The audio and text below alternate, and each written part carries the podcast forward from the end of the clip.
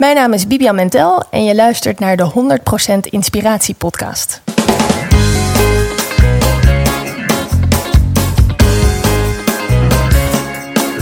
Hey, wat goed dat je luistert. Hij staat weer voor je klaar. Je wekelijkse dosis inspiratie is weer daar.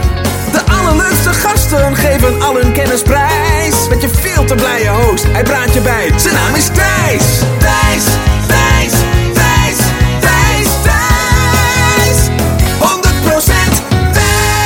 Hey lieve luisteraar, het is september. Terug van vakantie. Ik weet niet wat jij hebt gedaan. Ehm, misschien moet je nog op vakantie. Wellicht ben je helemaal niet op vakantie geweest. Of wellicht was het alweer heel lang geleden. Maar ik heb in elk geval de hele maand augustus. Heb ik, eh, ja, bijna wil ik zeggen, helemaal niets gedaan. Ik ben naar Tenerife geweest. En ehm, voor de helft van de tijd heb ik bezoek gehad. Dus ik heb twee keer een, eh, een klein weekje visite gehad. En die andere twee weken ben ik gewoon helemaal alleen geweest. Zelfs ook even op social media dieet gegaan. Eh, geen telefoon, geen Instagram, geen WhatsApp.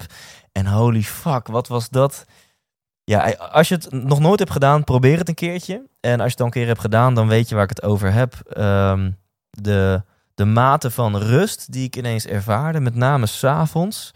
Maar ook de mate van creativiteit, hoe de inzichten ineens binnenstroomden.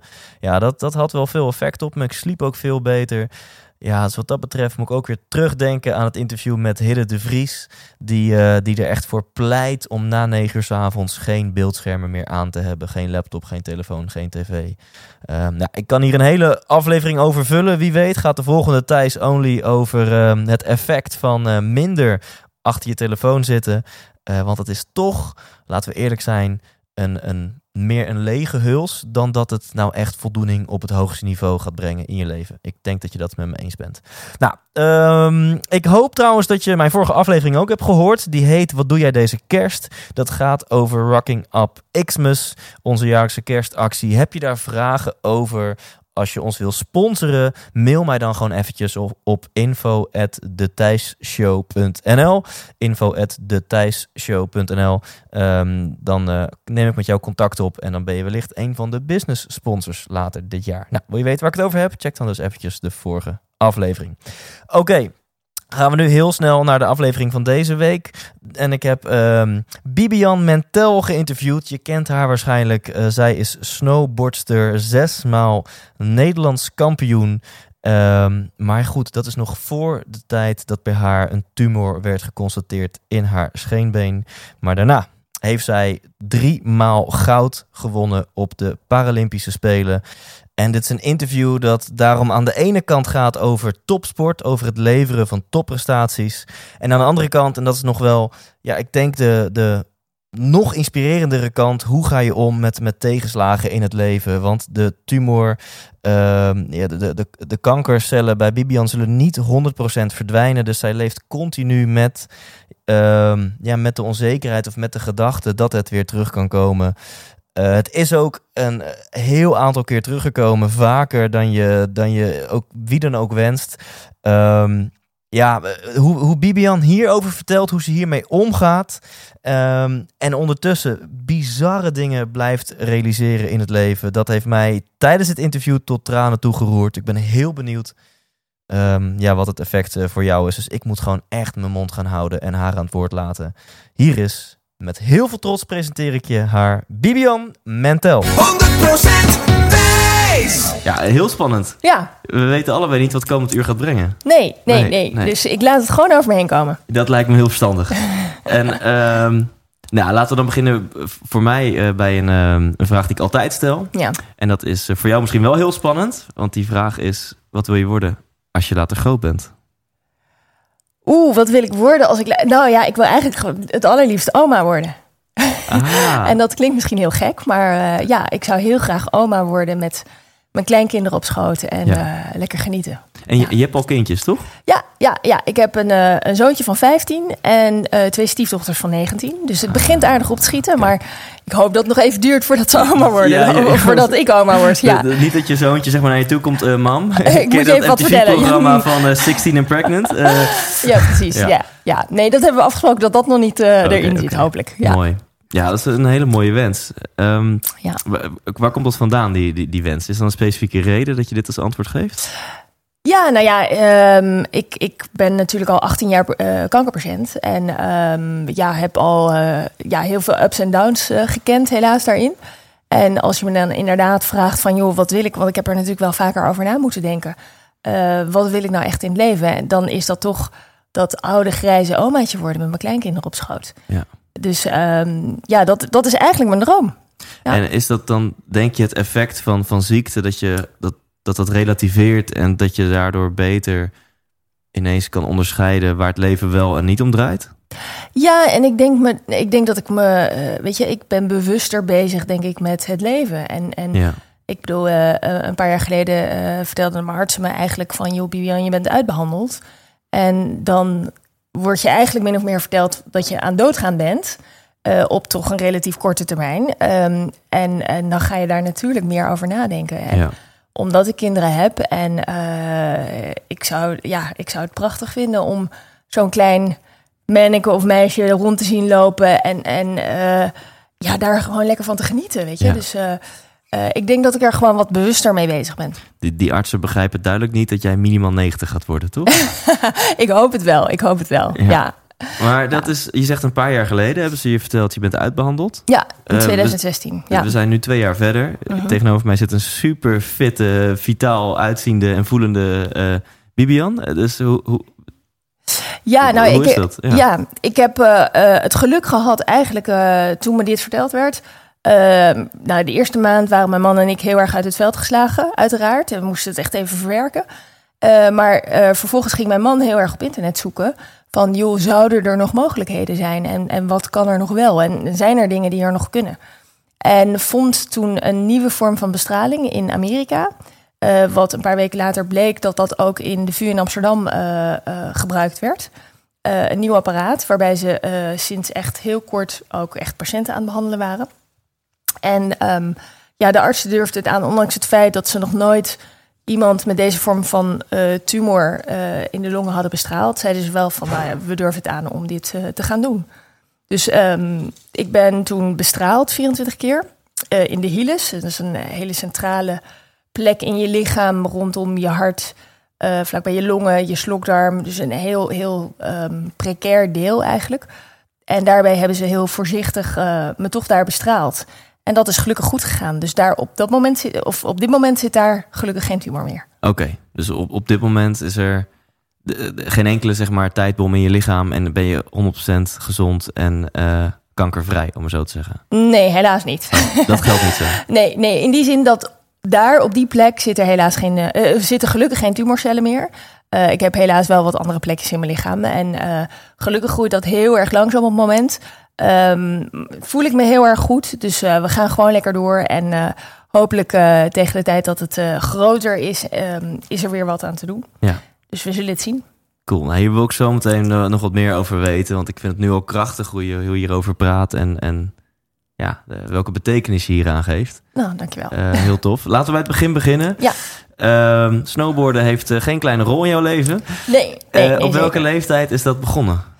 Ja, ik was vrij oud. Ik was 21 jaar oud toen Oh. ik eh, eh, leerde snowboarden. Ja. Eh, snowboarden was destijds nog een hele jonge sport. Ik ben Ja. eigenlijk een beetje de tweede generatie Nederlandse snowboarders. Dus er waren een paar pioniers voor mij, zeg maar.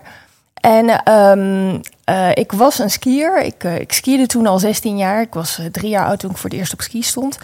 En gewoon hobby of ook wel wedstrijden? Nee, gewoon hobby. Gewoon een hobby, omdat ik het gewoon echt heel erg leuk vond. En ehm, mijn toenmalige vriendje die zei van... ehm, eh, die kwam terug van een wintersportreis en die was voor het eerst gaan snowboarden. En die kwam terug met vrienden en die zei van... Oh, dit is veel leuker dan skiën. En ik keek hem aan en ik denk, ja, hallo, ik ski al 16 jaar. Jij gaat me nu na één week vertellen dat dit leuker is. Ik Ja. zeg, dat kan niet. Dus we hadden eigenlijk nooit ruzie, behalve daarover. Ah, En toen besloten we op een gegeven moment na een aantal ruzies dat ik een week mee zou gaan snowboarden en dan zou hij een week mee gaan skiën. En dan konden we er eerlijk over oordelen. Nou, zo gezegd, zo gedaan. Ik ging eerst een week mee snowboarden. En ik heb daarna nooit meer geskiet. Oh, echt? Ja, en hij pest me er nu af en toe nog steeds mee. En, Dus, en, dus je bent al 16 jaar aan het skiën. En eh, hoe lang duurde het op een snowboard voordat je merkte... oké, dit is nog vetter? En nou, eigenlijk na die ene week was ik al helemaal verkocht. Ja. Eh, en dat was voornamelijk de lifestyle ook. Weet je, een nieuwe sport eh, die ik mocht gaan proberen en, en een uitdaging was. Ja. Maar daarnaast ook de lifestyle die me heel erg greep. Het vrije, het rebelse. eh, ja, dat, dat sprak me heel erg aan. En ehm, niet weten, ja, niet, niet de gebaande paden volgen, maar gewoon ja. lekker je gevoel achterna gaan. De, dat de vond ik heel erg leuk. subcultuur van snowboarden is heel anders dan die van skiën. Ja, ja, Ja. absoluut, absoluut. Ja. Dus zo ben ik ooit gaan snowboarden. En toen was ik dus al 21. Eh, toen studeerde ik al rechten in Amsterdam. Ja. Ehm, eh, maar ja, toen had ik wel zoiets. Iedere vakantie die ik had, wilde ik snowboarden. En toen, omdat ik al wat vrienden had die allemaal snowboarden, eh, werd ik vaak uitgenodigd van, joh, kom gewoon langs naar de bergen en we gaan gewoon lekker snowboarden. Dus toen ben ik eigenlijk in een hele korte periode ben ik vrij regelmatig gaan snowboarden. En ik pikte het goed op. En dat was gewoon nog als hobby gewoon lekker vaak op wintersport gaan eigenlijk. Ja, ja, ja. Ehm, en dat was wel inderdaad met vijf in een driepersoons appartement. En Ja. eigenlijk alleen Ja. maar droge spaghetti met een beetje tomatensaus Ja, eten. maar dan kon je wel De snowboarden. studentenstel, cool. Ja, ja. En, en, en wanneer is dan dat moment gekomen dat je dacht... ehm, ja, ik wil hier misschien wel serieus mee aan de slag? Nou, ik had ehm, al heel snel zoiets van... Ik was met mijn propenduizen bezig in dat jaar. En eh, toen dacht ik van nou, ik wil wel langer, langere tijd aan snowboarden besteden. Toen dacht ik van nou, ik ga mijn propenduizen afmaken. En dan ga ik gewoon een jaar een sabbatical nemen. En dan ga ik een jaar gewoon lekker skibum zijn, ski- en snowboardbum zijn. Een beetje appartement schoonmaken en voor de rest de hele dag skiën en snowboarden. En ehm, ja, dat is eigenlijk een beetje zo uitgelopen tot een eh, ja tot meer eigenlijk. eh. Ik ging eh, kleine wedstrijdjes meedoen en dat ging eigenlijk verbazingwekkend goed. En dan krijg ik een beetje, of ik kreeg in ieder geval een beetje de smaak te pakken.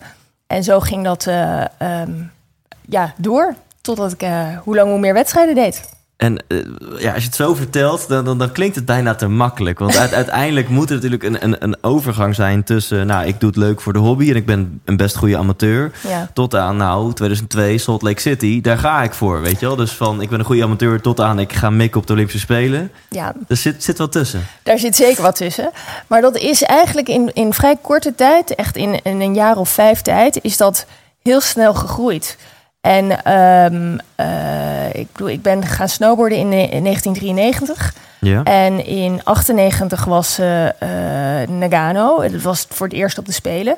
Maar toen het, ja, 2002, toen was ik dus echt al bijna, toen was ik ruim negen jaar aan het snowboarden. Ja. En ehm, ik, ik woonde eigenlijk gewoon in de bergen op dat moment. Eh, ik was eh, gemiddeld tien maanden per jaar in de sneeuw eh, en van huis. Ehm, dus ik was continu alleen maar met snowboarden bezig. En dat begon in eerste instantie met...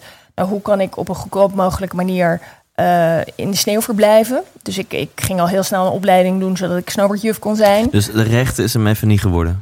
Nee, dat, dat ging eigenlijk heel snel. Ik heb wel mijn propenduizen afgemaakt. Ja? En eh, toen, ehm, toen ben ik inderdaad eh, gestopt. Oh ja. Ja. Dus vanaf dat moment, ehm, toen je naar het buitenland ging om, om daar eh, nou, een beetje schoonmaken, zodat je vooral heel veel kon snowboarden, dat heb je uiteindelijk jarenlang gedaan.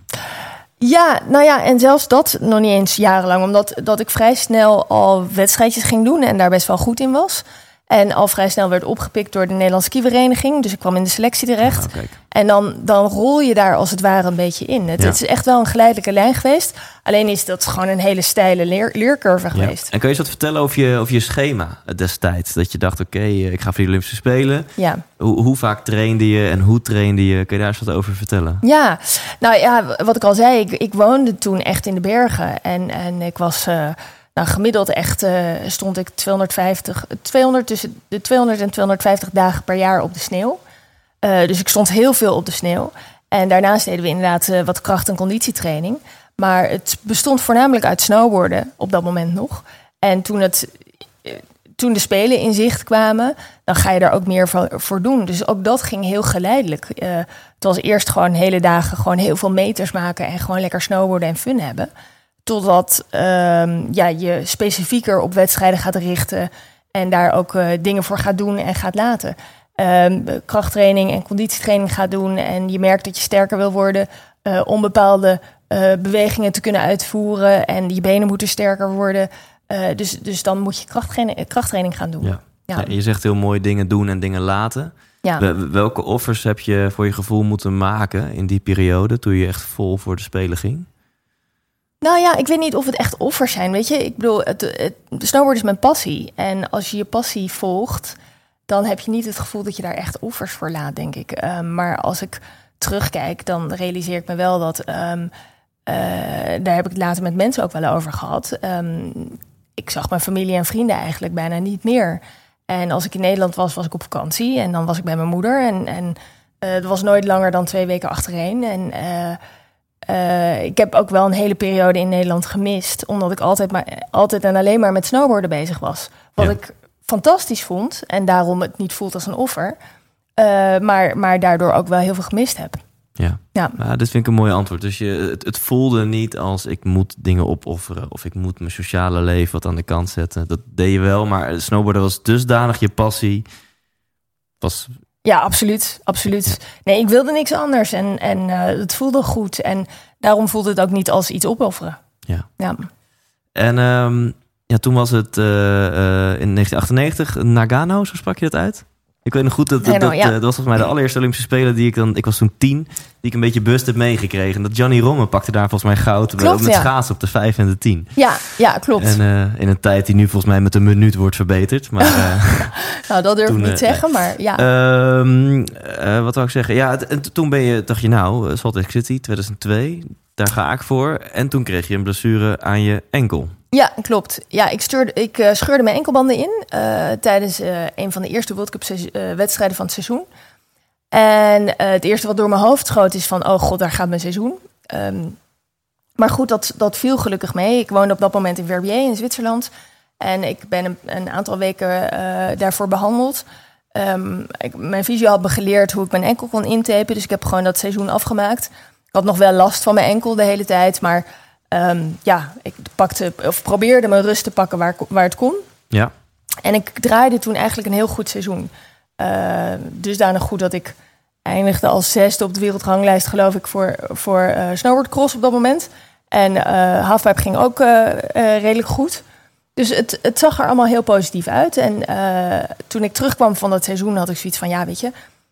Die enkel, dat moet nou maar eens over zijn. Dan had ik wel gehoord dat het inscheuren van je enkelbanden echt best wel lang kan duren. En dat het soms wel eens tot anderhalf jaar kan duren voordat je enkel weer helemaal opgetraind is. Eh, dus ik, ik maakte me eigenlijk niet zoveel zorgen over. Maar ik ging hier in Nederland naar een sportfysio. En die behandelde me een paar keer. En mijn enkel reageerde niet op de behandeling zoals normaal gesproken een, een gescheurde enkelbanden zouden moeten doen. Dus die stuurde me door naar het ziekenhuis om gewoon foto's te maken, om, te om dingen uit te sluiten eigenlijk als het ware. En toen gingen eigenlijk alle, alle alarmbellen af. Want ze zagen een grote plek op het scheenbeenbod, net boven het enkelgewricht, waarvan ze niet wisten wat het was. En eh, ja, toen gingen we eh dooronderzoeken. En toen heeft het ruim drie maanden geduurd voordat eh, de artsen überhaupt wisten wat ik had. En dat bleek helaas te gaan om een, om een hele zeldzame vorm van botkanker. Dus toen werd een heel ander verhaal. Maar de eerste keer dat ik eh, te horen kreeg dat ik botkanker had van mijn arts, eh, schrok ik daar eigenlijk helemaal niet zo van. En had ik zoiets van, ja, heel vervelend, maar het komt vooral nu ook niet uit. Dus wat ga je eraan doen, zodat ik zo snel mogelijk weer op een snowboard kan staan? En zo zat ik er eigenlijk een beetje in. Nou, er werd uiteraard een operatieplan gemaakt. En eh, de tumor werd lokaal verwijderd vanuit het bot. Uh, hebben ze gewoon ja, weggesneden en, en weggezogen. En ehm, toen mocht ik vier, vijf maanden helemaal niet mijn been belasten. En dat vond ik nog het allermoeilijkste Ja. eigenlijk op dat moment. Dus ik moest op krukken lopen en mijn trainingen... Ik, deed wel, eh, ik bleef wel mijn trainingen vol, volhouden. Dus ik eh, trainde voornamelijk mijn bovenlichaam. Nou, ik zag eruit als een klerenkast. Super breed. Maar ehm, het moment dat ik eigenlijk weer eh, langzaam mocht gaan bewegen, kreeg ik ook weer dezelfde klachten terug als voor de operatie. En in eerste instantie weet je dat aan het feit dat je te veel doet bij de fysio. Want ik wilde het natuurlijk graag. Ik wilde snel weer herstellen. Ik wilde het se- seizoen weer in. Ik eh, moest me nog plaatsen.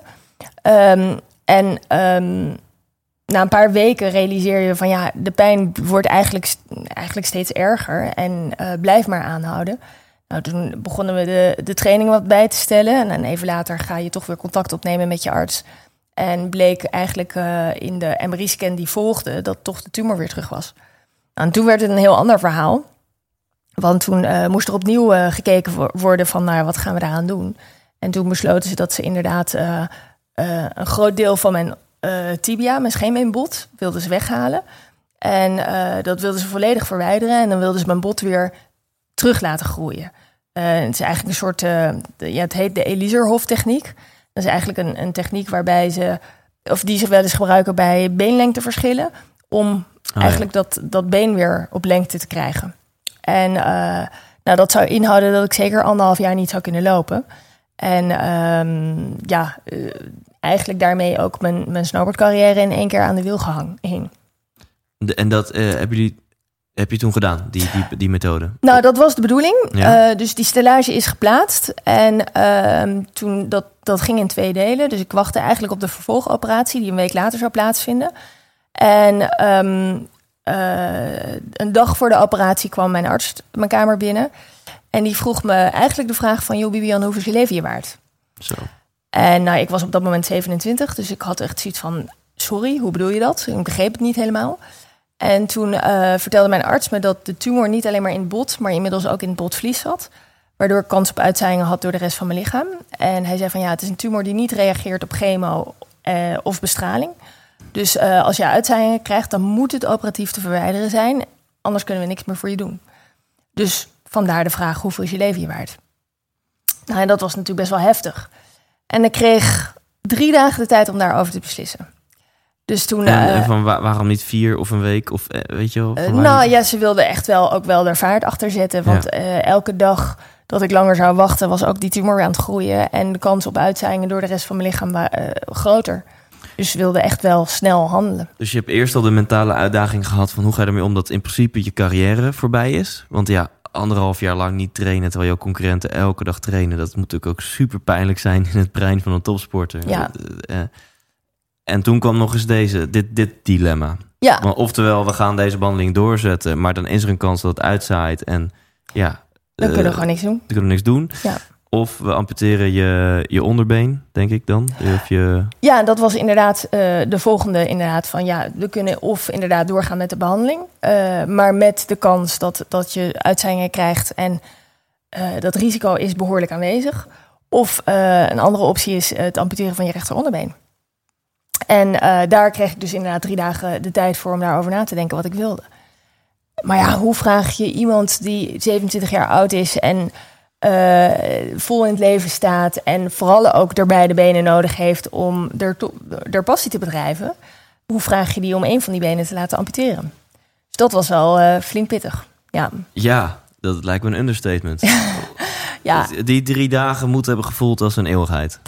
ja, ja. En ik ben ook nog eens eh, weegschaal van sterrenbeeld, dus ik ben altijd aan, mijn, aan het wikken en het wegen. Keuzes maken is niet mijn sterkste kant. Eh, dus ja, die drie dagen, ondanks het feit dat ik eigenlijk wist, diep in mijn hart, dat ik helemaal geen keuze had. Dat als ik wilde leven, wat ik absoluut wilde, eh, moest ik wel kiezen voor amputatie. Maar Kreeg je nog percentages cadeau? Van dat ze zeiden, nou, we schatten de kans zo groot dat het dan gaat uitzaaien. En, eh, nee, eigenlijk niet. Eigenlijk niet. Nee, nee, eh, nee. We hebben het helemaal niet over percentages gehad. Eh, maar ehm, gezien de snelheid waarmee het groeide in het afgelopen half jaar en hoe lang ik er mee liep, zeg maar, ehm, was het eigenlijk overduidelijk wat mijn, wat mijn antwoord moest zijn ehm, als ik wilde leven. En moest ik eigenlijk wel kiezen voor amputatie. En, en gevoelsmatig had ik eigenlijk ook niet eens echt een keuze. Alleen gaven ze me die wel. Maar eh, Ja. ja. een hele, hele onverstandige keuze als ik, het niet had, eh, als ik er niet voor had gekozen. en je zegt, eh, ik ben weegschaal, ik heb drie dagen lang dus zitten wikken en wegen. Ehm, wel- welke voor- en nadelen van beide opties gaan dan door je hoofd? Wat, wat gebeurt er? Nou, het enige wat ik kon denken is van... jeetje, hoe ga ik door het leven als, als iemand die zijn onderbeen mist? Hoe, hoe is dat, weet je? Eh, ik kan me nog wel als klein meisje wel eens herinneren... Van, dat je zijn, eh, gesprekken hebt met vriendjes en vriendinnetjes van... ja, wat zou je het liefst missen? Je, je arm of je been? Maar dat kan je helemaal niet voorstellen. En toen stond ik opeens in die situatie... en moest ik er echt over nadenken. En... ehm, ik- ja, ik wist eigenlijk helemaal niet. Ik, ik had geen idee. Ik, ik had nog nooit iemand met een beperking gezien. Eh, ik, kon, ik wist helemaal niet wat ik kon verwachten. Dus ehm, ik moet zeggen dat na drie dagen toen mijn arts binnenkwam en me zei van joh, heb je een keuze kunnen maken? Zei ik hem ook van nou ja, volgens mij heb ik geen keuze en volgens mij moet ik wel voor amputatie kiezen. maar kan ik ook direct met iemand praten die mij meer kan vertellen, Ja. vertellen over protheses? En daar hebben ze heel goed op gereageerd. Want nog geen anderhalf uur later stond er inderdaad een prothesebouwer in mijn kamer binnen. Met wel vijf benen onder zijn arm. En die zei van, nou, wat wil je weten? En die, die heeft me twee uur lang eh, uitgelegd over de verschillende prothesevoeten die er zijn. Wat je allemaal nog kan. eh, en eigenlijk alleen maar de, ja, de, de dingen die je nog kan laten zien. Daar vroeg ik ook naar, moet ik eerlijk zeggen. Eh, en, en ja, het grappige was dat na die twee uur... ik, ik stiekem ook wel een beetje nieuwsgierig was van... goh, ik ben benieuwd of ik dat kan, lopen, lopen met een prothese. En ik realiseerde me van ja, als ik gewoon een, een tas vol... met allerlei verschillende prothesevoeten heb... dan moet ik volgens mij alles weer kunnen. Want hij vertelde me dat ehm, eh, in principe... ehm, ja, je enkel in je menselijk lichaam is iets heel ingenieus. Ja. Ehm, en prothesevoeten eh, kunnen in principe één of twee bewegingen van, het menselijke, van de menselijke enkel nabootsen. Eh, met andere woorden, je hebt gewoon een tas vol met heel veel prothesevoeten nodig. En dan kan je een heleboel. En eh, ik moet je eerlijk zeggen dat ik in 18 jaar tijd eh, nog nooit iets ben tegengekomen dat ik echt niet meer kan. eh, door het feit dat ik een onderbeen mis. Dus ehm, ja, ik trek 's ochtends mijn benen aan en dan heb ik gewoon twee benen. Ja. Ja, en dan heb ik ook het voordeel dat ik meerdere voeten heb, waardoor ik dus ook meerdere dingen kan doen. Ja. Ja, en vooral de dingen die ik leuk vind. En, en dus je, je had je keuze gemaakt en je zag alle protheses en je was enigszins gerustgesteld of misschien wel nieuwsgierig van, nou ja, ga ik dat dan allemaal kunnen? Het ziet er allemaal wel goed uit. Ja, maar het was ook een beetje een voldongen, voldongen feit, weet je. Ik bedoel, ik kon er niet omheen dat eh, gevoelsmatig was het een keuze tussen leven en dood. En ik koos voor het leven en dan hoorde dit erbij. En ehm, ja, dan, dan gevoelsmatig heb ik toen eigenlijk al het boek van Bibian met twee benen dichtgeslagen. Om vervolgens weer verder te gaan en te kijken naar de toekomst. En eh, ik, wat dat betreft, ik was 27, dus je, je bent wel realistisch. En, en natuurlijk heb je ook emotie. Maar ik had wel zoiets van, ja, weet je, ik kan nu bij de bakkenier gaan zitten. Of ik heb de keuze om verder te gaan en, en te kijken naar wat er wel mogelijk is en wat er kan. En ik vind het zonde om achter die geraniums te gaan zitten en Ja. eh, bij de bakkenier te gaan zitten. En dan ga je die operatie in Ja, en je weet als ik wakker word, heb ik dus geen onderbeen meer. Ja. Hoe- de- dat is vreselijk. Ja, er is geen ander woord voor. Dat is echt vreselijk. En ik ging heel stoer die kant op. Eh, ik mocht twee dagen naar huis. eh, want letterlijk nadat ik de keuze maakte, werd ik drie dagen later geamputeerd. Eh, ik mocht twee dagen naar huis. En ik weet nog dat ik ochtends wakker werd. En dat ik tegen mijn toenmalige partner zei van... Met opgeheven hoofd ga ik ten strijde. En ik kwam in het ziekenhuis en toen ging het allemaal nog wel oké. En toen kwam de broeder en die zei van... eh Bibian, ik mag je naar de OK brengen. ja. En toen ging ik echt, ik verloor al mijn zelfbeheersing. Dus ik Mm. begon te huilen. eh, eh, mijn hartslag ging naar 200 en, en mijn hele lichaam ging in de stress. En die had zoiets van: nee, dit wil je helemaal niet. En ehm, volledige paniek. Maar ja, dat is dan zo. En, en eh, ja, je ontkomt er eigenlijk ook niet meer aan. Dus eh, dan, dan word je naar beneden gebracht en dan krijg je wat medicatie, waardoor je wat rustiger wordt weer. En dan is het zo. En het is niet dat je schreeuwde van nee, ik wil of, of zo. In principe begeleiden mensen je gewoon van ja, hoe hysterisch je ook doet, dit gaan we nu wel doen. Ja, nou ja, uiteraard. Ze proberen je rustig te krijgen en, en met je te praten. En mijn partner was erbij en, en mijn moeder. En voor hen was het natuurlijk ook ontzettend traumatisch. Eh, en eh, ja, om toch je geliefde naar een OK te brengen waarbij je weet van ja, ze komt er zo uit zonder been. En eh, ja, dat is heel gek en eh, vreselijk. Maar we hebben ons altijd, denk ik, allemaal wel proberen vast te houden aan... oké, wat kan er nog? En, en toch de toekomst positief te, te benaderen. Ja, en, en ga je, heb je zoiets van dat je nog even aan je been wil zitten of zo voor het laatste Ja, moment absoluut. van oh, nu kan ik hem nog voelen of wat, wat- Ja, nou die laatste twee dagen heb ik letterlijk gewoon foto's gemaakt van mijn voet en mijn been. En, ja, en eh, ja, eh, ik ging heel even op internet zoeken van... ja, wat gaan ze dan doen hè, met zo'n voet die ze amputeren? ja. En eh, nou ja, dan, die worden verbrand. En Oh. toen dacht ik van, oké, wil ik dit eigenlijk wel weten? En vond ik eigenlijk een heel luguber idee. Ja, En ehm, eh, toen heb ik ook gewoon mijn computer weer dichtgeslagen. Dacht van, nee, ik wil het ook allemaal niet weten. En Want ik laat het gewoon maar over het is niet zo dat je hem nog even vast mag houden na de operatie. Nee, nee, gelukkig niet. Dat lijkt Ja, me misschien nog, je dat ja, je nog je been zo vast... nee, dat, lijkt, dat lijkt me heel bloederig. ja, Ja. En, en ja, misschien stel ik de intense vraag hoor. Maar is er dan nog een discussie van waar gaan ze, de, waar gaan ze amputeren? Op welke plek? En hoe ver onder de knie en zo? En dat je daar dan nog inspraak in hebt? Nou, leuk dat je dat vraagt. Want ehm, eh, mijn arts heeft, mijn orthopedisch chirurg, die heeft eh, contact opgenomen met een prothesebouwer. Om te vragen van, joh, dit is een heel sportief meisje en ze wil nog heel veel. En wat is nou voor een prothesebouwer de ideale stomplengte, om het zo maar te zeggen? En dat wordt helaas in de praktijk gewoon nog te weinig gedaan. Eh, want ik kom, ik, ik heb een eigen stichting waarbij we kinderen met een beperking helpen Ja. de Mentality Foundation. En ik kom helaas gewoon te veel mensen tegen die als het ware verkeerd worden geamputeerd. Ehm, eh, waarbij ze bijvoorbeeld de stomp ehm, eh, te lang laten. Weet je, dat, dat de arts zo min mogelijk wil amputeren, wat ik heel goed begrijp.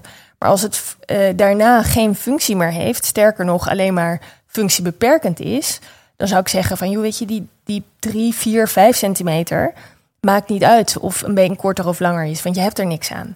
En als het wel kan schelen in eh, je functionaliteit na de amputatie, eh, dan zou ik zeggen van joh, overleg met de patiënt en zeg van joh, weet je, als we er een klein stukje meer van afhalen, zal je zoveel functioneler zijn in het dagelijks Mhm. leven.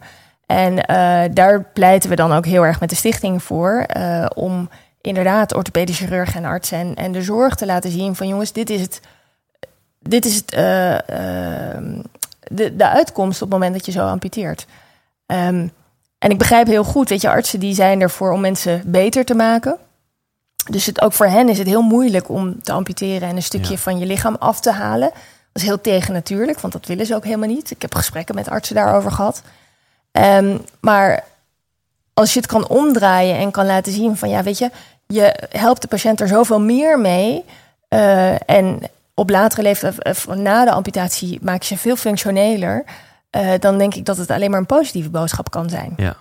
En is het zo dat ze gewoon je been recht door, door midden zagen? Of Wat ze, wat ze feitelijk doen is inderdaad, ze snijden het bot af op een bepaalde hoogte. ja? Eh, en het vlees, dus eh, wat ze bij mij hebben gedaan, is ze, ze hebben de kuit als het ware iets langer gelaten. En die, die klappen ze weer naar voren en die, die naaien ze dan dicht eh, bij je scheenbeen. Waardoor je kuit eigenlijk een soort van kussentje wordt onder de onderkant van je bot. Mhm. Ehm, het is niet zo dat ik op mijn eh, stomp eh, of de onderkant van mijn stomp kan steunen. Eh, dat blijft altijd heel erg gevoelig. Ja. Wat ze met de zenuwen en de spieren doen, moet ik eerlijk zeggen, weet ik niet precies. Maar dat werken ze ook netjes weg. Ja.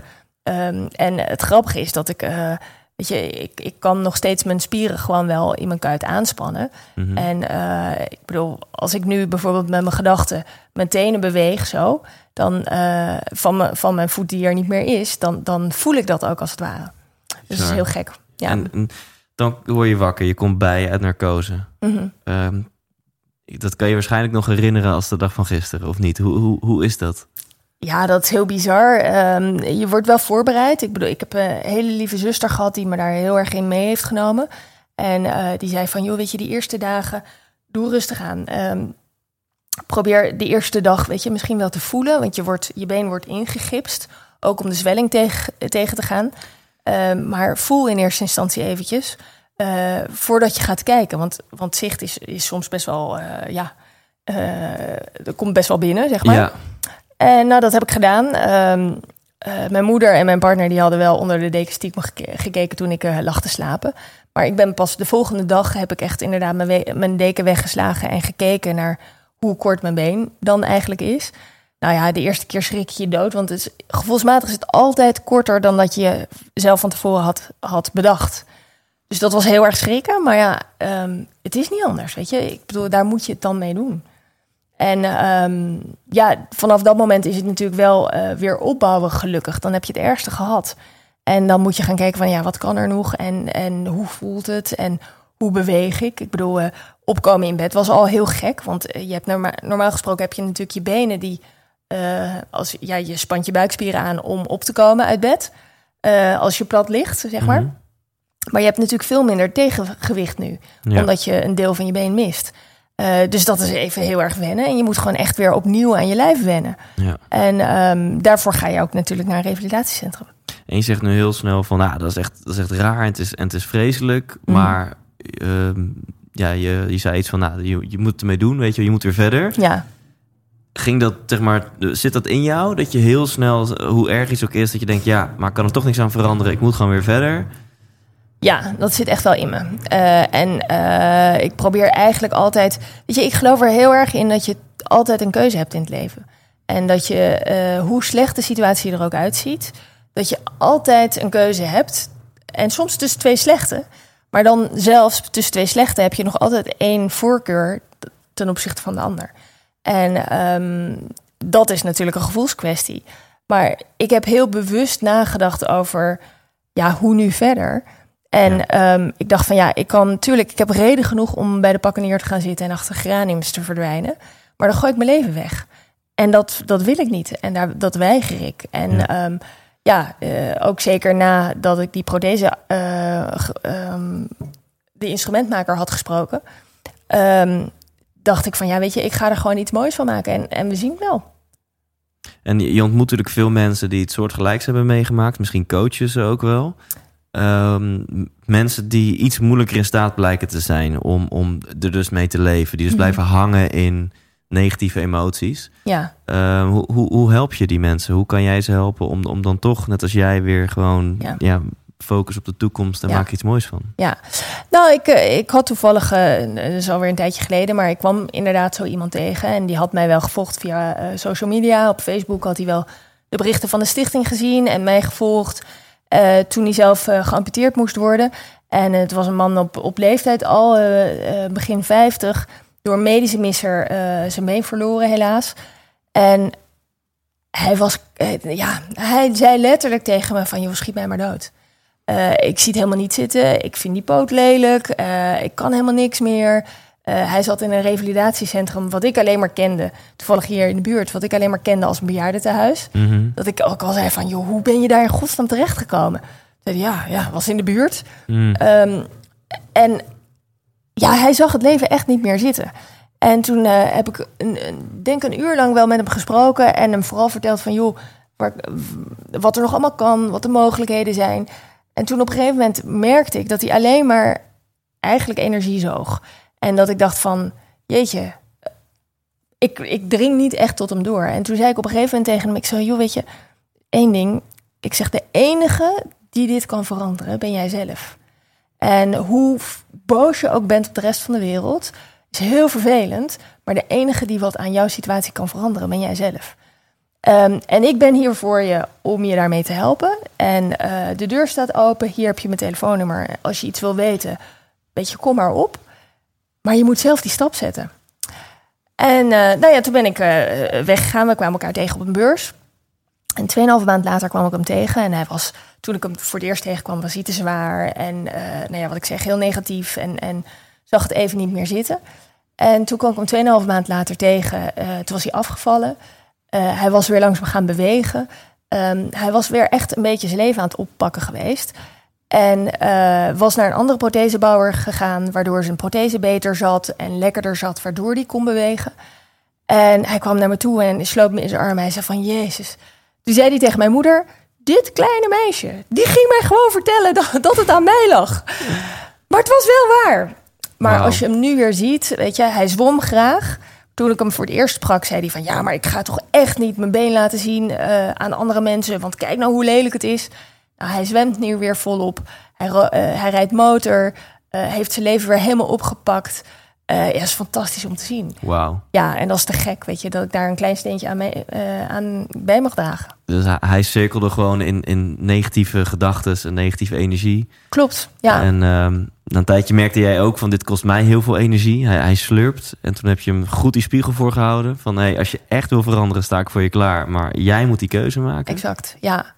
En dat is natuurlijk een beetje het voordeel wat ik heb. Eh, weet je, ik heb het zelf zoveel meegemaakt. En, en ik sta in dezelfde schoenen als, als de, de persoon waar ik dan vaak mee praat.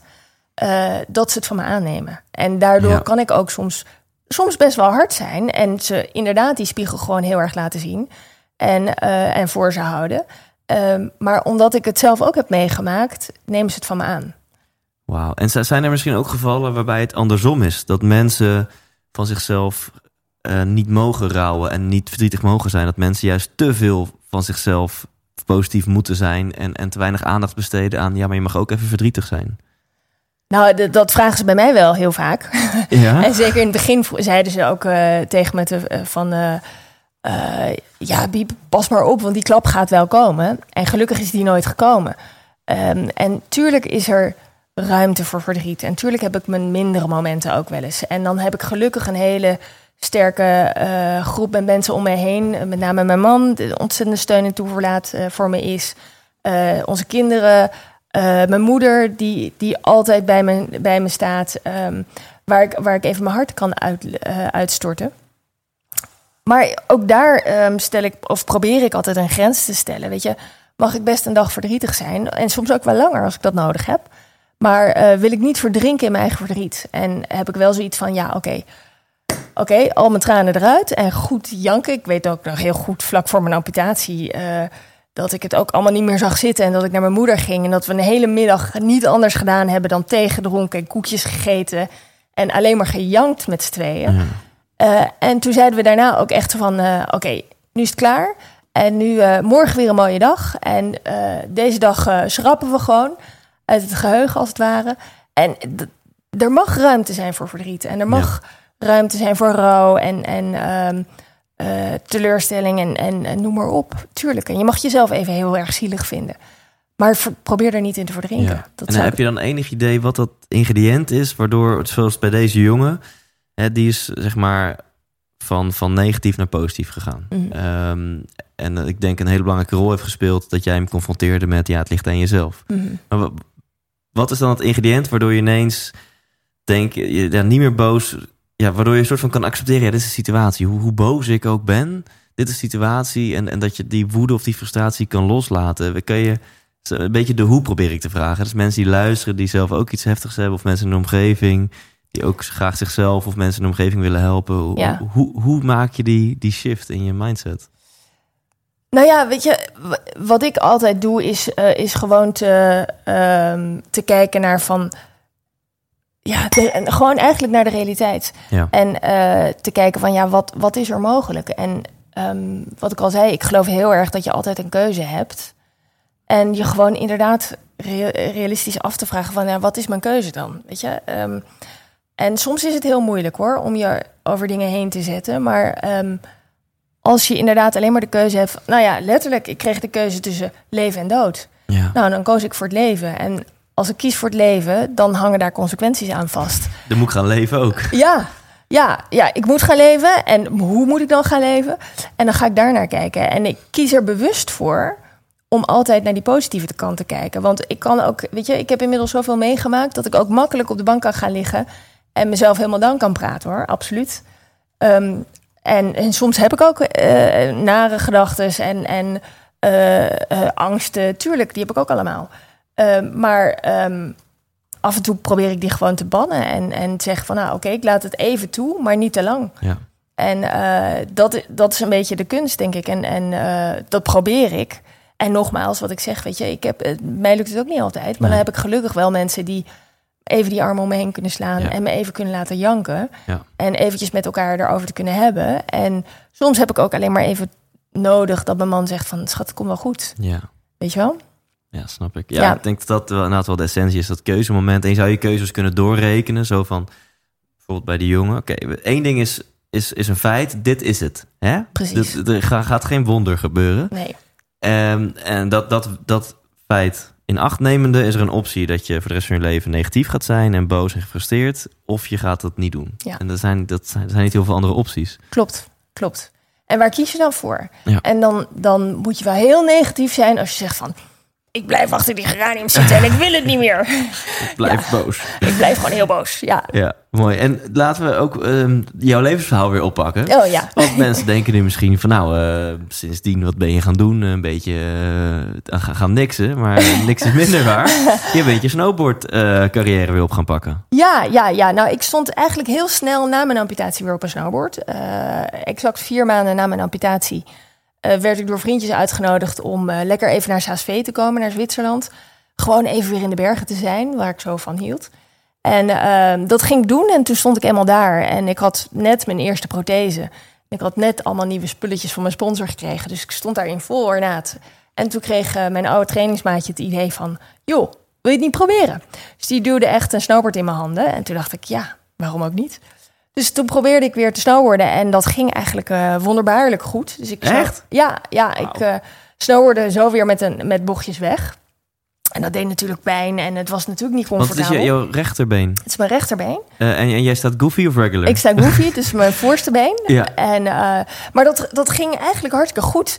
En ehm, ja, dat gaf me zoveel energie. Dat is dat een voordeel dan? Dat je achterste been nog wel, eh, dat je die nog wel hebt? nou, dat zei ik vroeger altijd. eh, dat, ik, dat ik vond dat eh, mensen met een onderbeenamputatie... degene die hun prothesebeen voor hadden... dat ik dat dus de betere snowboarders vond. Ehm, maar ondertussen zijn er zoveel mensen die anders... die gewoon hun prothesebeen achter hebben... en zulke goede snowboarders zijn... dat ik dat niet meer durf te zeggen. ja. ja. dus of nou een voordeel... Het, het is een beetje...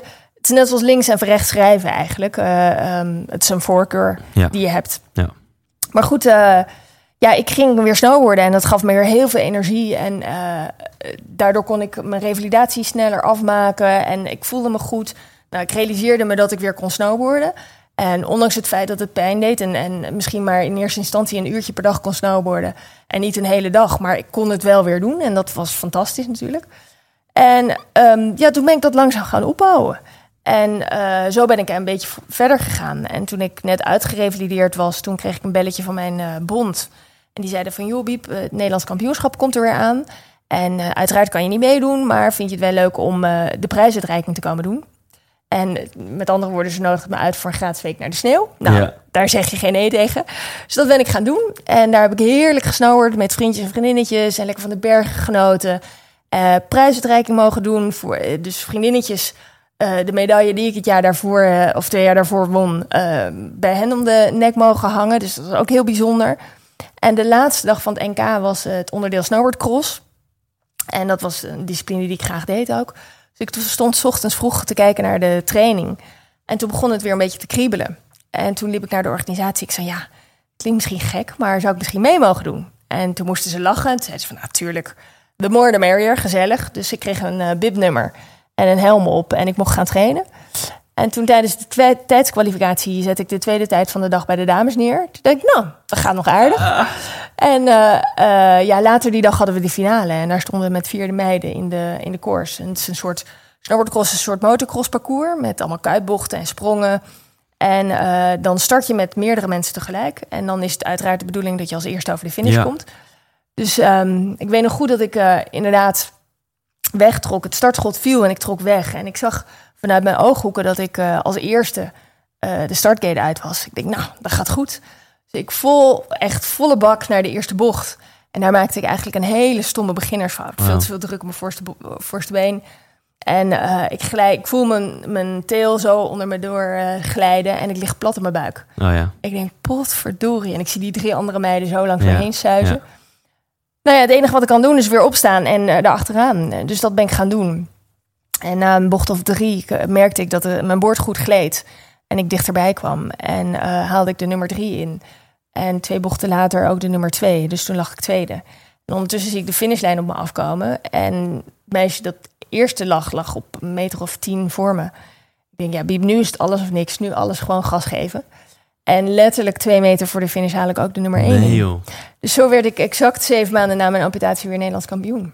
Bij de valide. En, en, en dit was geen Paralympisch eh, wedstrijd? Nee, nee, nee. Dit Dit- was Nederlands kampioenschap. Dit was, dit is Ja. toch, eh, Ja, dat nou, normaal? ja, dat was fantastisch. Dat was fantastisch. En een enorme kroon op alles wat ik had meegemaakt natuurlijk. Jeetje joh, wat voor successtory is dit, Ja, toch? ja, Is was dat, te dat is gek. prachtig. Ja, ja. het was ook te gek. En mijn fysio eh, en, en een heleboel mensen die van dichtbij mijn amputatie hadden meegemaakt, die waren er ook allemaal. Die stonden allemaal huilend langs de kant. En ik stond daar alleen maar met een grote big smile op mijn gezicht. En ja, dat was helemaal te gek. En dat is eigenlijk ook een beetje het moment geweest dat... eh, want de bond kwam daarna naar mij toe en die zeiden van... joh, Biep, fantastisch dat dat allemaal gelukt is. En zou jij misschien het leuk vinden om te kijken of wat we kunnen doen eh, als sport zijnde? Hoe, hoe kunnen we die sport, snowboarden voor mensen met een lichamelijke beperking... hoe kunnen we die gaan trekken? Nou, en daar sto- ontstond eigenlijk het idee van...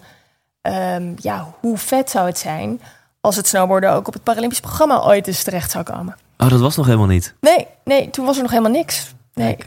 Dus, eh, en zo is er eigenlijk een, een lobby ontstaan. Ja. Eh, en die heeft ruim acht jaar geduurd voordat daadwerkelijk het snowboarden op het Paralympisch programma terecht is gekomen. Ehm, ja, en in die tussentijd ben ik weer hoe lang hoe meer gaan snowboarden. Dus die, die, want je bent zes keer Nederlands kampioen geweest. Ja, En de aantal daarvan is dus na jouw amputatie gebeurd. nee, de zeven keer werd, eh, ehm, werd ik Nederlands kampioen en dat was na mijn amputatie. Oh, ik ben zes keer daarvoor. Oh, Oké, oké. Ja. En eh, je zegt, nou, het heeft acht jaar, acht jaar geduurd, die lobby. Hoe zag die tussentijd er dan uit? Deed je mee met de reguliere wedstrijden? Ehm, Ik deed, som, of ik deed eh, die eerste paar jaar deed ik het NK nog mee. Ja. En daar eindigde ik vrijwel altijd ook op het podium. ja. Ehm, maar toen op een gegeven moment waren we ondertussen ook bezig om internationaal een circuit te starten en eh, wedstrijden op de kaart te zetten. En toen viel het NK samen met een wedstrijd die we eh, organiseerden, internationaal gezien in Canada, eh, voor mensen met een beperking. En toen was voor mij de vraag van ja, wat ga ik meedoen? En qua uitdaging vond ik nog altijd het snowboarden met de valide snowboarders het, ja, de grootste uitdaging. Ja. Maar toen dacht ik van ja, maar als ik inderdaad die sport wil trekken en als ik daar een voorbeeld voor wil zijn en ik wil dat die sport op de kaart komt, dan moet ik nu ook zelf gaan kiezen voor de aangepaste sport. En eh, want anders is het niet geloofwaardig. Mhm. En ehm, toen heb ik inderdaad eh, gekozen voor eh, ehm, de World Cup voor mensen met een beperking. En vanaf dat moment eigenlijk alleen nog maar ehm, het, het para-snowboarden gedaan. Ja. Ja, En uiteindelijk heeft je lobby opgeleverd dat eh, dit een onderdeel werd bij de Paralympische Spelen. klopt. Ja, Eh, was het dan in 2014 voor het eerst? Klopt, ja. En in ehm 2 mei 2012 kreeg ik een telefoontje vanuit de IPC, de International Paralympic Committee, dat het snowboarden alsnog werd toegevoegd, twee jaar voor, eh, voor Sochi, aan het Paralympisch programma. Ja, En toen wist je het ten eerste een mega groot succes. Wat Ja. jij dan hebt betekend wereldwijd voor, voor snowboarden. Ja, nou ja, en het grappige was dat ik die lobby ben ik echt gestart eh, puur voor eh, ja, de mensen met een beperking na mij. Ja. En eh, nooit zozeer omdat ik zelf per se mee wilde doen, maar altijd of, of per se aan een spelen mee wilde doen, maar altijd met het idee van ja, hoe vet zou het zijn als we kinderen met een beperking kunnen laten zien dat snowboarden ook nog kan. Weet je, ik bedoel, het is natuurlijk wel het, het snowboarden valt een beetje onder de extreme sporten. Ja. En het is nou niet de eerste sport waar je aan denkt op het moment dat je gehandicapt raakt. Dus en, en het is natuurlijk mijn passie. En ik wilde wel mijn passie delen met anderen. En ehm, ja, als dat dan lukt, is dat natuurlijk helemaal fantastisch. Eh, om de sport te trekken, eh, deed ik op dat moment nog heel veel mee aan wedstrijden. eh, om ook gewoon te laten zien. Ook heel eerlijk, in het begin, eh, ehm, dat was met de Spelen niet meer zo, maar, maar zeker de beginjaren, ehm daagde, daagde ik de jongens ook, de mannen ook uit. Ja. En eh, won ik af en toe ook wel van de mannen. Dus dat was Ja. ook wel heel erg eh, stoer natuurlijk. Ja. Ehm, maar zag ik het inderdaad wel een beetje als voortrekkersrol. En, en ook gewoon om die sport te pushen en Ja. mensen uit te dagen. En nooit zozeer met het idee van ik wil een gouden medaille halen op de Spelen zelf. Eh, maar ja, toen het eenmaal Paralympisch werd en de bond mij vroeg van ja, maar wil je nog meedoen? Ja, toen, toen zat ik nog zo in de sport dat ik zoiets had van ja, dat, dat wil ik nog wel. Dus ehm, ja, zodoende. En zo ben ik afgereisd naar Sochi. Ja, en, en tussen 2012 en 2014 was het dan kei, keihard trainen ehm, Ja, om... Ja? Ja, ja, dat was eh, ja, keihard trainen. eh, en eh, ik ben sporter genoeg om... Weet je, op een gegeven moment... we gingen naar de Spelen. En toen vond ik ook dat ik het verplicht was... om ook inderdaad keihard daarvoor te gaan trainen. En eh, niet alleen. Ik, eh, ik was toen al een stichting samen met mijn man eh, begonnen. De Mentality Foundation. Waarbij we dus kinderen met een lichamelijke beperking... stimuleerden om lekker te sporten. Met name boordsporten, met name snowboarden. Ja. En er waren een aantal talenten eigenlijk die al meerdere keren naar clinics waren gekomen en die me vroegen van joh Biep, we weten dat je bezig bent met een programma om te kijken of het snowboarden op het Paralympisch programma komt. Ja. Kunnen wij dat ook? Mogen wij dat ook? Ik zei, ja, tuurlijk. Dus wij hadden ondertussen ook een, een groepje van eh, vier, vijf jongeren die eh, ambi- ambitie hadden om ook naar de Spelen te gaan. Dus eh, zo zijn we gaan trainen. En in eerste instantie waren mijn man en ik coach van, van het team. Maar ehm, het kwam op een gegeven moment zo voor dat, dat ehm, ik zelf aan de start stond. En dan als ik mijn run gedaan had, direct weer omhoog moest. Omdat een paar mensen na mij eh, eh, de andere atleten van ons aan de start stonden. Mm. Om die dan weer te coachen. Ja. En ehm, nou, naarmate de spelen dichterbij kwamen, ehm, pakte mijn man meer de rol als coach over. ja. En werd ik meer, hoe lang hoe meer weer atleet. En toen Sochi 2014, voor de mensen die het hebben gemist, hoe, hoe ging dat? De snowboardcross? Ja, dat ging goed, gelukkig. Eh, ik, eh, ja, eh, het lukte me om drie keer de snelste tijd bij de dames neer te zetten. Waardoor ik inderdaad met de eerste gouden medaille eh, op het gebied van parasnowboarden naar huis mocht. En het gaat denk ik normaal gesproken om het gemiddelde van die drie runs. Nee, het was de snelste tijd echt. Dus, dus eh, eh, nee, het was een combined, two runs combined. Dus de twee snelste tijden bij elkaar opgeteld moesten ja, de snelste tijd hebben. Ja. En, dus je hoeft niet per se alle drie de snelste te zijn, maar jij was gewoon alle drie keer de snelste. Ja, ja, gelukkig wel. Ja. Ja. en ehm, ja, hoe, wat gebeurt er daarna? Dan heb je een gouden medaille gewonnen, dan start er ook een heel mediacircus. ja, dat is heel Ehm, gek. Dan wil elk tv-programma je, dan wil elk radiozender wil je. Ja, ja, nou dat is heel gek inderdaad. En, en ehm, eh, ik was natuurlijk al wat ouder, dus ik realiseerde me ook wel wat het zou kunnen gaan opleveren. O- in de zin van media-aandacht.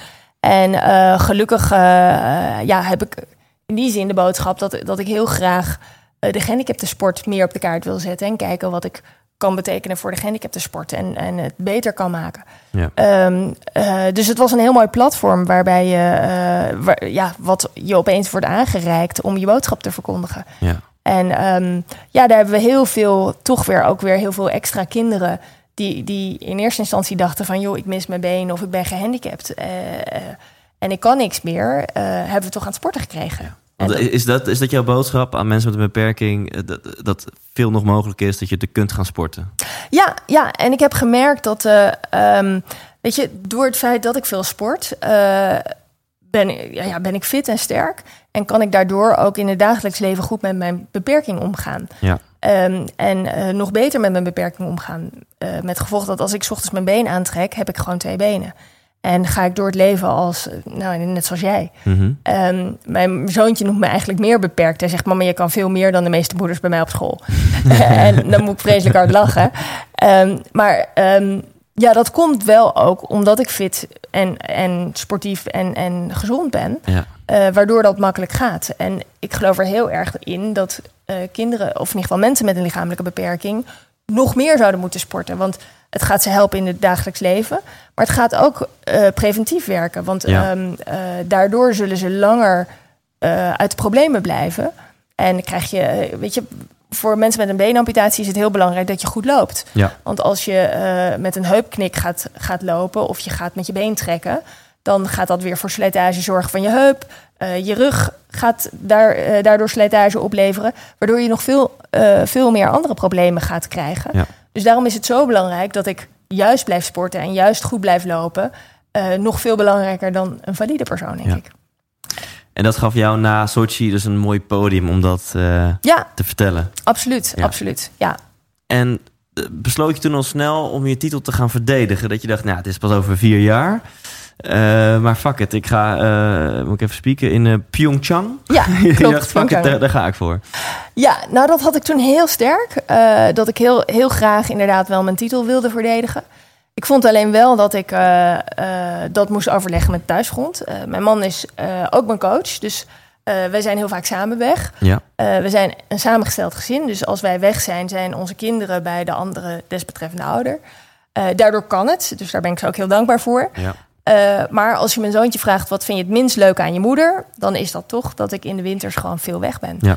Want we zijn gemiddeld eh, twee weken per maand weg. Dus dat is gewoon een hoop. Eh, en toen vonden wij dat we dat ook gewoon onze kinderen moesten overleggen. En, en toen wij zeiden van, joh, wat vinden jullie ervan als we nog vier jaar doorgaan? Zeiden ze alle drie volmondig, ja, natuurlijk. Maar dan willen we wel mee naar Pyeongchang. ze waren mee geweest naar Sochi. Ja. En dat was de eis. Ik zeg, nou, daar ben ik helemaal voor. ja. Dus eh, ja, zo gezegd, zo gedaan. En toen eh, mocht ik nog vier jaar door. En toen dacht je, ja, één gouden plak. Hè? Laten we nu gewoon voor twee gaan. Nou, nee, dat is eigenlijk zo dat ehm, eh, in Sochi was er maar één discipline. Ja, En ondertussen was er inderdaad een nieuwe discipline bijgekomen, de Banket Slalom. Ik, ik ben ook op de achtergrond nog steeds betrokken bij de sport. Om, om te kijken hoe kunnen we de sport nog groter maken. Doen groeien. Hoe kunnen we het interessanter maken voor het publiek ook. En, en ja, gewoon over de, de sportmarketing achter de sport na Mhm. te denken. En eh, eh, vanuit een uh, atletenoogpunt. En ehm, ja, toen, toen is er een nieuwe discipline bijgekomen. ja, en, en die ligt me ook goed en die vind ik leuk om te doen. Dus ja, dat lag in het verlengde dat ik, de, dat ik daar ook aan mee wilde. En wat is dat, even voor de, voor de leken? Nou, dat is Banked Slalom. En dat is eigenlijk een soort slalom. Maar de bochten worden eigenlijk met enorme kuibochten um, aangezet. Uh, dus je hebt een soort ja, kuipbochtenparcours wat je naar beneden moet rijden. En dat is dan op tijd. En ga je voor een hat-trick? Dat je denkt 2022... nee, nee, nee. In die zin dat... nou, ik ben inmiddels 45. En ik moet zeggen dat ik zeker nu niet ga zeggen dat ik over vier jaar weer mee ga doen. sterker nog, de kans dat ik over vier jaar mee ga doen is heel klein. Uh, ik zeg nooit nooit, dat, dat ook weer. Ik haal altijd een beetje een slag om de arm. Maar uh, nee, de kans dat ik over vier jaar erbij ben, uh, in ieder geval niet als atleet. Ja, ik denk niet dat veel mensen kunnen zeggen dat ze op hun 45ste een gouden medaille binnentikken. Nee, precies. Twee zelfs. dus precies, dat, dat is natuurlijk waanzinnig. Ja. En ja, helaas is het niet allemaal een positief verhaal waar we het eigenlijk in het begin al over hadden. Ja. Jouw, uh, jouw, jouw tumor of jouw kanker, ik weet niet hoe, hoe je het moet noemen, die is ja, ja. Dat is wel uitgezaaid, ook naar je, je longen, geloof ik. Ja. Um, en met goed googelen, om zo te zeggen, van jouw man, ja. toch? Ja, klopt. Uh, heb je een methode gevonden hoe je dat wat beter kan behandelen, maar helemaal weg is het niet.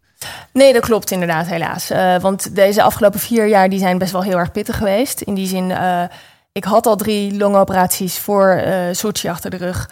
En ik heb er nog twee uh, na uh, bij gekregen, want ik bleek uitzaaiingen in mijn longen te hebben. Uh, dat konden ze gelukkig opereren. En in mei 2016 werd me eigenlijk verteld inderdaad, joh, um, we kunnen niks meer. Het zit nu op een plek waar we er niet bij kunnen qua operatie. Dat is te gevaarlijk.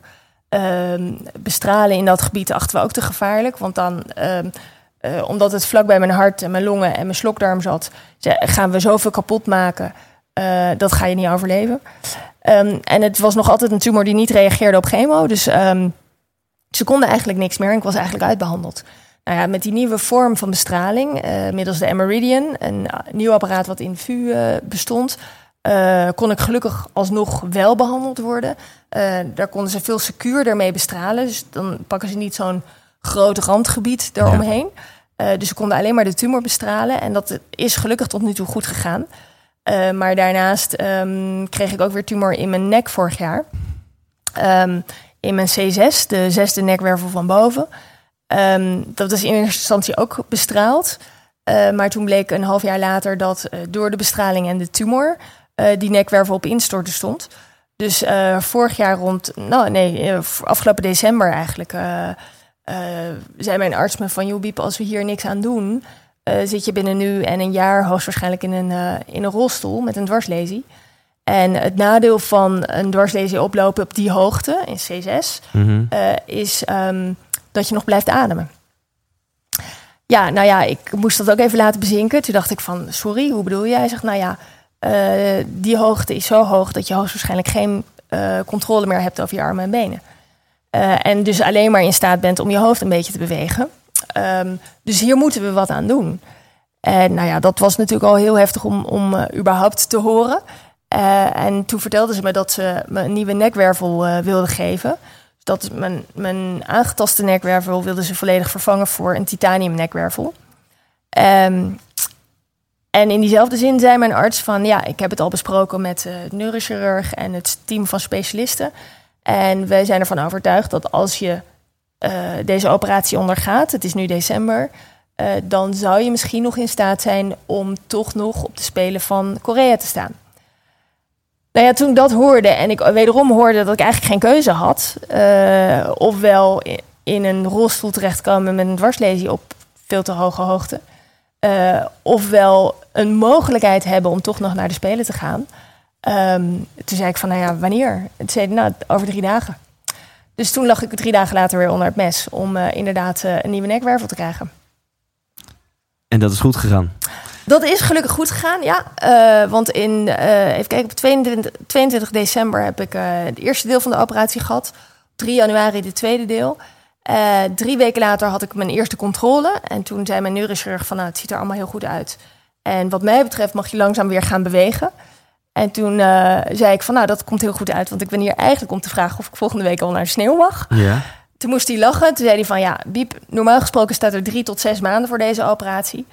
Eh, maar goed, ik weet, de Spelen komen eraan en dat is je ambitie. En als je voorzichtig doet, eh, ja, heb ik er eigenlijk geen bezwaar tegen dat jij gaat sporten.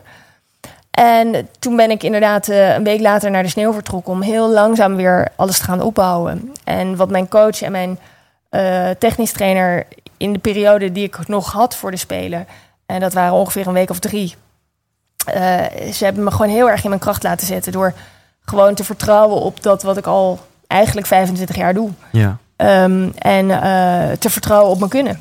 En ehm, ja, na de drie weken training die ik heb gehad, eh, voelde ik me weer heel erg vertrouwd op mijn snowboard. Eh, ben wel zonder enige verwachting eh, afgereisd naar de Spelen. Was super blij. Ik werd wederom gevraagd om de vlag te dragen, het stadion binnen. En het, het, het feit dat ik daar stond, was al een overwinning Ja. op zich. Was al helemaal te gek. En ehm, ja, die week was heel gek, eh, maar ook heel goed en heel leuk. Want eh, het lukte me inderdaad om eh, in een direct duel ehm, met eh, Nederlandse concurrenten ehm, eh, de bordercross te winnen. En drie dagen later de snelste tijd van de border. Maakt dat het dan extra emotioneel? Dat was wel een overwinning voor jou dat je er überhaupt stond. Ja, Letterlijk. ja. En, en dat je vervolgens twee gouden plakken pakt. Ja, ja. Tuurlijk, weet je, het het is gewoon heel bijzonder. En niet alleen voor mij, maar ook voor mijn familie om me heen. Die er Ja. ook allemaal waren. Ja. Eh, dus dat was fantastisch om mee te maken. En, en eh, ja, onwijze kroon op de afgelopen vier jaar eigenlijk. Ja. En ook een soort afsluiting van de afgelopen vier jaar. En ja, we hebben het nu gehad over, over je longen, over je nek. In totaal is de kanker zeven keer teruggekomen. Negen keer. Negen keer. Ja. En ehm, ja, hoe, hoe ga je daarmee mee om? Ehm, het is natuurlijk verschrikkelijk elke keer weer. En ook de, de procedure waar je dan weer doorheen gaat. Ja, ja, absoluut. Ehm, het gekke wel is, is dat je soort van went ook aan de slecht weergesprekken. En eh, gelukkig is mijn instelling van oké, wat is er nog mogelijk? Het, het eerste, ik voel dat er bij mij van binnen een soort van knop omgaat. eh, eigenlijk bijna emotieloos van oké, maar wat is er mogelijk? En, en kijken naar eventuele mogelijkheden.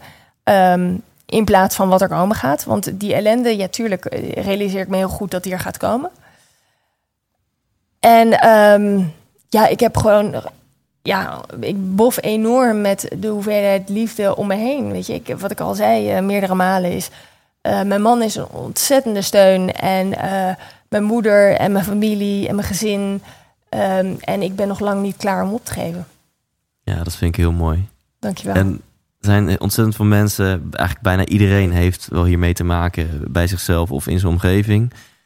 Welke boodschap heb jij aan, aan mensen die met deze verschrikkelijke ziekte te maken hebben? Ja, weet je, ik, ik zeg heel vaak van eh, durf te blijven dromen en durf je passie achterna te blijven gaan. En, en probeer je daar ook een beetje aan vast te houden. Eh, hoe soms het ook wel eens eh, niet helemaal realistisch lijkt in de ogen van een ander.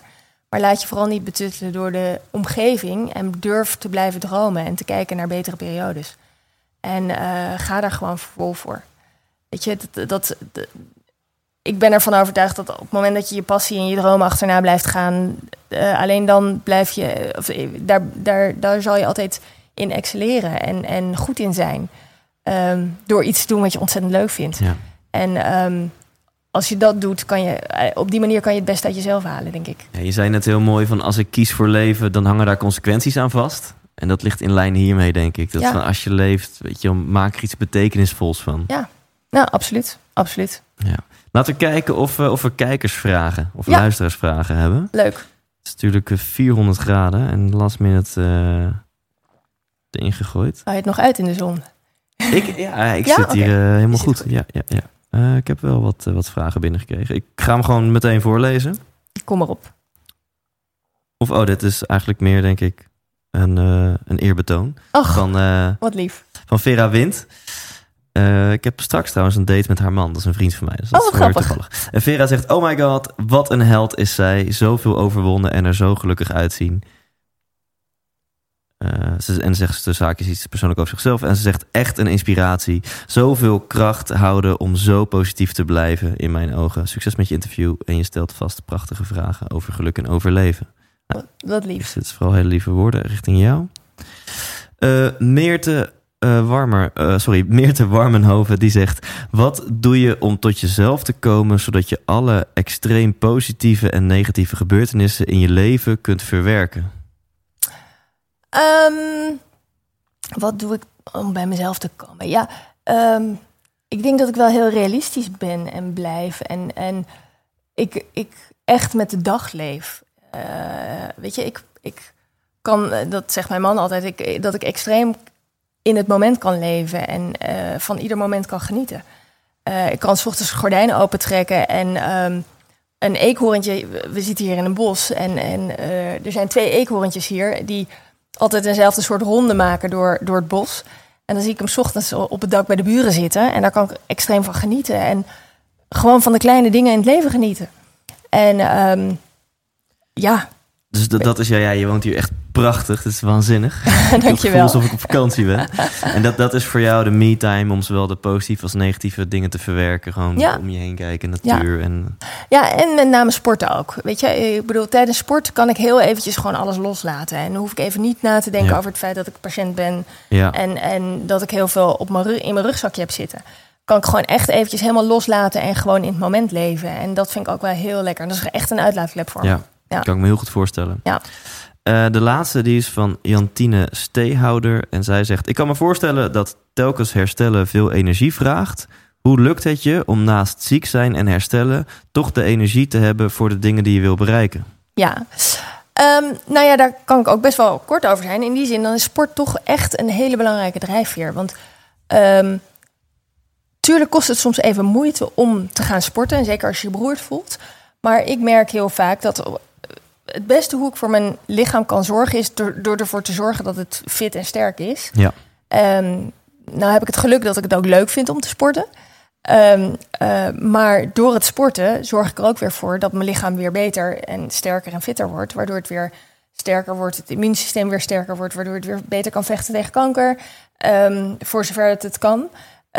En eh, is sport inderdaad gewoon mijn, mijn houvast. Ja. En eh, helpt dat me gewoon heel erg door dingen heen. Ondanks het feit dat ik me soms echt eventjes pff, naar die spinbike moet slepen. Of eh, op de mountainbike, naar, naar mijn mountainbike. Of, of wat ik dan ook ga doen. Maar sporten is geen apart, apart blokje in je leven. Het is integraal onderdeel van je leven. En het heeft ook een rol buiten je topsportcarrière om. Absoluut. Gewoon in je vitaliteit, mentaal en, en fysiek. Ja, ja, absoluut. absoluut.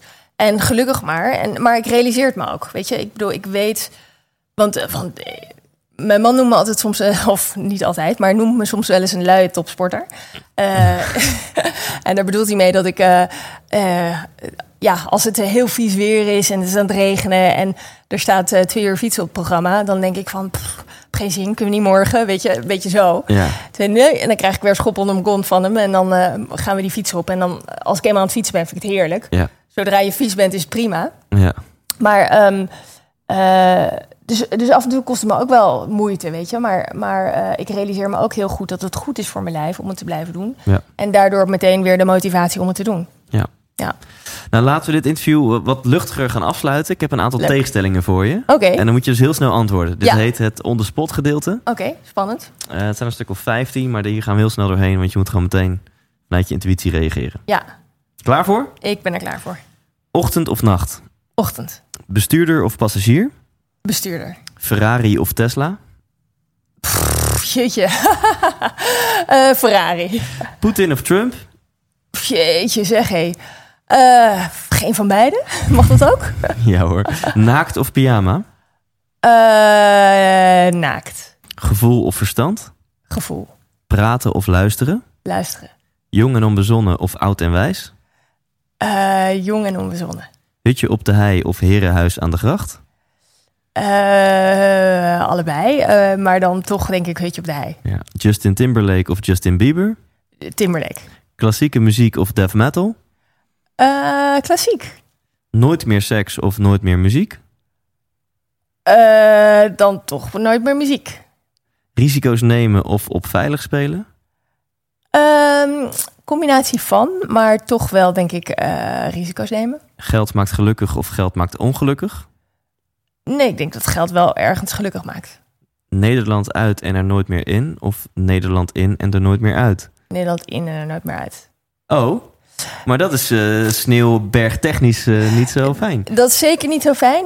Gelukkig hebben we hier in Nederland een paar hele mooie indoorhallen. Ja, dan kom je bij lange niet aan, aan de bergen natuurlijk, absoluut. Maar ik vind Nederland wel een heel fijn land om in te wonen. oké. Ja. En de laatste is één dag koning of één dag weer kind. Enig kind. Oeh, Ik denk dat je je vaak genoeg een, een, een queen hebt gevoeld met de dingen die je hebt bereikt. Dus dat weet je hoe Ja. dat voelt. of niet? Ja, ja nou, ik heb natuurlijk hele mooie dingen me- mogen meemaken, absoluut. Eh, maar dat, dat onbezonnene en dat, dat eh, gevoel van geen zorgen eh, en, en echt zorgeloos de wereld inkijken, dat lijkt me wel heel lekker. Want dat ben ik al een heel tijdje kwijt. Ja, snap Ja. ik. Snap ik. En, en zo'n zo'n gouden medaille winnen, zeker na alles wat is gebeurd, Ja. geeft dat een soort van top of the world gevoel van zo van beter dan dit bestaat niet. Absoluut. Aan de andere kant is het natuurlijk ook, weet je, eh, dat ik dus natuurlijk ben er onwijs blij mee en het was prachtig. Eh, maar het is ook een momentopname. En eh, ehm, ik zou per direct mijn medailles inleveren voor een goede gezondheid. Ja. Ja, dus eh, het is allemaal relatief. Ja. Ja. Tot slot, is er nog iets wat ik had moeten vragen of iets wat je wil zeggen aan het einde van dit gesprek? Nee, eigenlijk niet. Eh, ik wens iedereen een gezond en, en gelukkig leven en, en eh, vooral lekker genieten. En je hebt ook een stichting. Is er Ja. bijvoorbeeld, eh, kan je iets pitchen dat je zegt van nou ja, eh, sponsor ons, steun ons of, of, of werkt dat zo niet? Eh, ja, nou uiteraard, dat kan. Ik bedoel, we hebben de stichting de Mentality Foundation al een paar keer genoemd. Eh, een stichting waarbij we kinderen en jongvolwassenen met een lichamelijke beperking stimuleren om lekker te sporten. Ja. Ehm, maar vooral mensen te laten leren denken in mogelijkheden in plaats van de beperking. En eh, dat is fantastisch om te mogen doen. Eh, om inderdaad eh, met name kinderen te helpen om te laten zien wat er nog allemaal kan. Ondanks het hebben van een lichamelijke beperking. Of een lichamelijke uitdaging eigenlijk, zoals we het Ja. willen noemen. En uiteraard kun je ons steunen via www.mentalityfoundation.org. En op de site kan je ook vooral zien wat voor mooie dingen we allemaal doen. Ja, dus mentalityfoundation.org. Ik zal ook in de show notes van deze podcast dat zetten. Super lief, Daar kunnen mensen jullie steunen. Dankjewel. Tof, dankjewel. Bob. Box. 100% wijs! Thanks, thanks, thanks, lieve luisteraar. De zomer zit erop en jij hebt gewoon de eerste aflevering van eh, ja, het nieuwe seizoen zeg maar, geluisterd. Dat betekent, eh, nou, dat betekent wel iets. Dat betekent in elk geval dat je luisteraar bent van deze podcast. En eh, dat vind ik heel tof, dus hopelijk blijf je luisteren. Wellicht gaan we elkaar live ontmoeten tijdens een van mijn shows. Eh, veel zijn al uitverkocht. Die in Groningen, die in Eindhoven en die in Rotterdam. Maar in Hoofddorp en Houten heb ik echt best wel grote zalen geboekt. Daar zijn nog tickets te verkrijgen op thijslindhout.nl. En ben je nieuwsgierig naar eh, ons kerstinitiatief en onze, ons grote kerstfeest, zeg maar de Benefiet later dit jaar, waar vorige aflevering over gaat, Intens 104.